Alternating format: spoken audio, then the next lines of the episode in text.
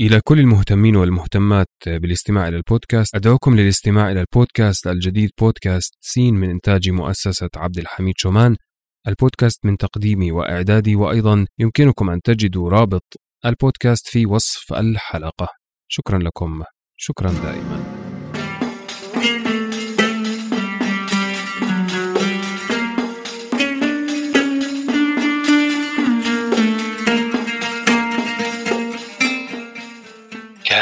مكان في قديم الزمان وسالف العصر والأوان ملك يدعى شهريار يحب الاستماع إلى قصص الإنس والجان. وكانت جاريته شهرزاد تقص عليه في كل ليلة قصة. هذا بودكاست ألف ليلة وليلة الموسم الثاني. هذه قصص ألف ليلة وليلة.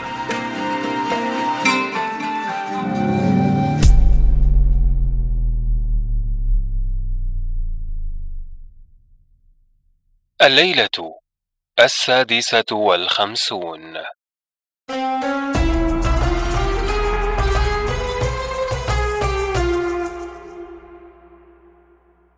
حكاية الملك عمر النعمان. مع ولديه شركان وضوء المكان.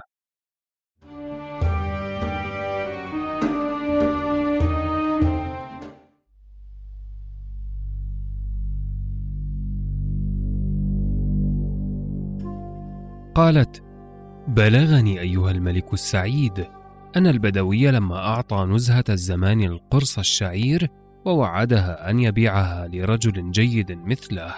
قالت له نعم ما تفعل. فلما انتصف الليل وأحرقها الجوع أكلت من القرص الشعير شيئا يسيرا. ثم إن البدوي أمر جماعته أن يسافروا فحملوا الجمال وركب البدوي جملا وأردف نزهة الزمان خلفه وساروا. وما زالوا سائرين مدة ثلاثة أيام. ثم دخلوا مدينة دمشق ونزلوا في خان السلطان بجانب باب الملك. وقد تغير لون نزهة الزمان من الخوف وتعب السفر فصارت تبكي من أجل ذلك. فأقبل عليها البدوي وقال لها يا حضريه وحق طرطوري إن لم تتركي هذا البكاء لا أبيعك إلا ليهودي. ثم إنه قام وأخذ بيدها وأدخلها في مكان وتمشى إلى السوق ومر على التجار الذين يتجرون في الجواري. وصار يكلمهم ثم قال لهم عندي جارية أتيت بها معي وأخوها ضعيف فأرسلته إلى أهلي في مدينة القدس لأجل أن يداووه حتى يبرأ وقصدي أن أبيعها. ومن يوم ضعف أخوها وهي تبكي وصعب عليها فراقه. وأريد أن الذي يشتريها مني يلين لها الكلام ويقول لها إن أخاك عندي في القدس ضعيف وأنا أرخص له ثمنها. فنهض له رجل من التجار وقال له كم عمرها؟ فقال هي بكر بالغة ذات عقل وأدب وفطنة وحسن وجمال. ومن حين أرسلت أخاها إلى القدس اشتغل قلبها به وتغيرت محاسنها وانهزل سمنها.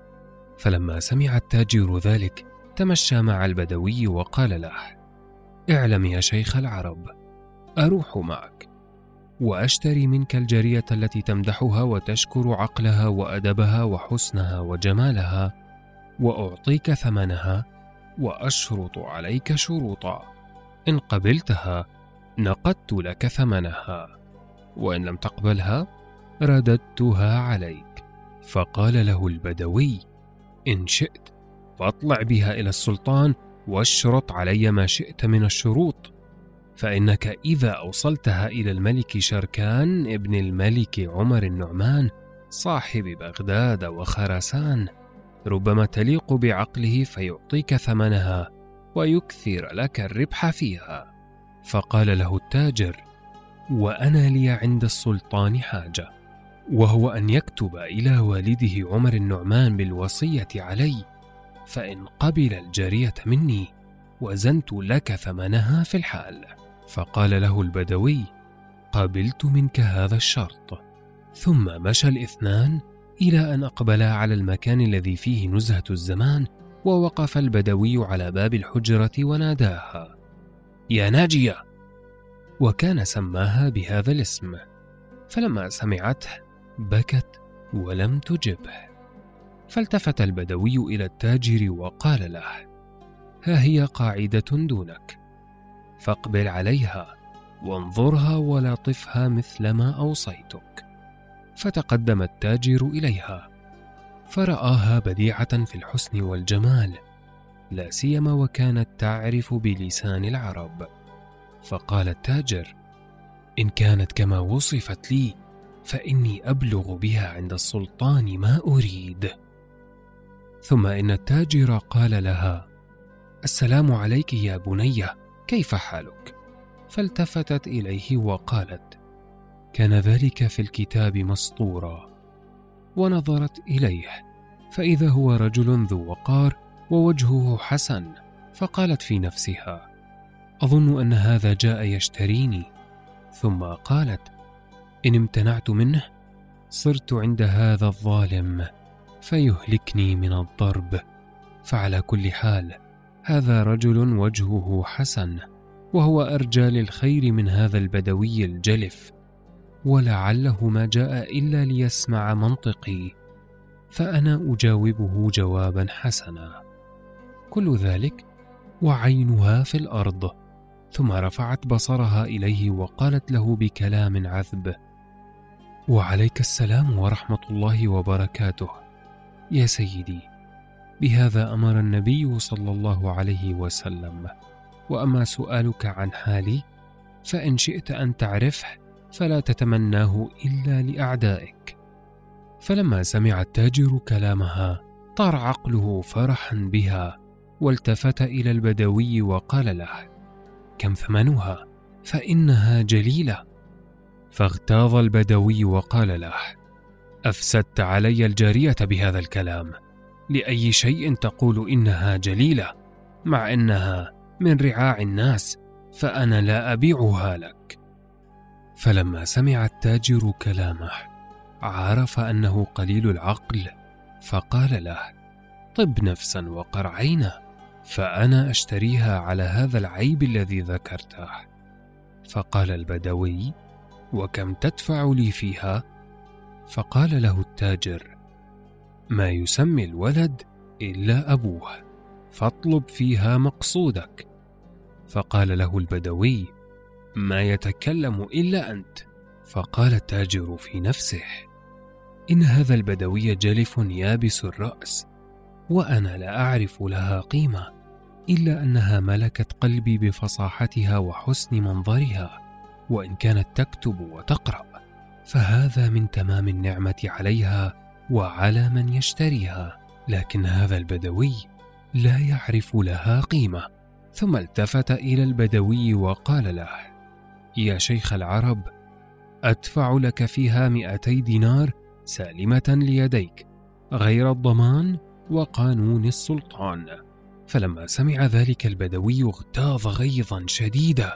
وصرخ على التاجر وقال له قم إلى حال سبيلك. لو أعطيتني مئتي دينار في هذه القطعة العباءة التي عليها ما بعتها لك فأنا لا أبيعها بل أخليها عندي ترعى الجمال وتطحن الطحين. ثم صاح عليها وقال تعالي يا منتنة أنا لا أبيعك. ثم التفت إلى التاجر وقال له كنت أحسبك أهل معرفة. وحق طرطوري. إن لم تذهب عني لأسمعنك ما لا يرضيك. فقال التاجر في نفسه إن هذا البدوي مجنون ولا يعرف قيمتها ولا أقول له شيئا في ثمنها في هذا الوقت. فإنه لو كان صاحب عقل ما قال وحق طرطوري. والله إنها تساوي خزنة من الجواهر. وأنا ما معي ثمنها. ولكن إن طلب مني ما يريد أعطيته إياه ولو أخذ جميع مالي. ثم التفت إلى البدوي وقال له يا شيخ العرب طول بالك وقل لي ما لها من القماش عندك؟ فقال البدوي وما تفعل هذه بالقماش؟ والله إن هذه العباءة التي هي ملفوفة فيها كثيرة عليها. فقال له التاجر عن إذنك أكشف عن وجهها وأقلبها كما يقلب الناس الجواري لأجل الاشتراء. فقال له البدوي دونك وما تريد. الله يحفظ شبابك فقلبها ظاهرا وباطنا وإن شئت فعرها الثياب ثم انظرها وهي عريانة. فقال التاجر معاذ الله أنا ما أنظر إلا وجهها.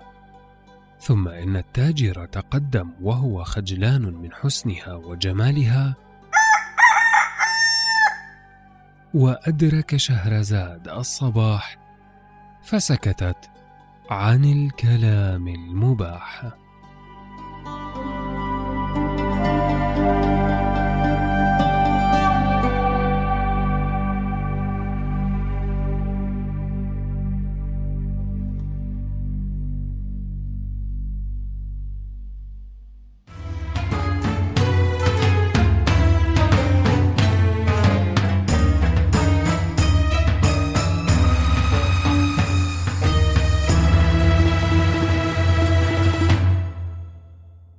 أنا نزار الحمود معكم في قراءة الليالي.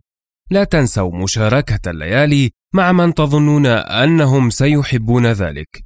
شكرا لكم شكرا دائما.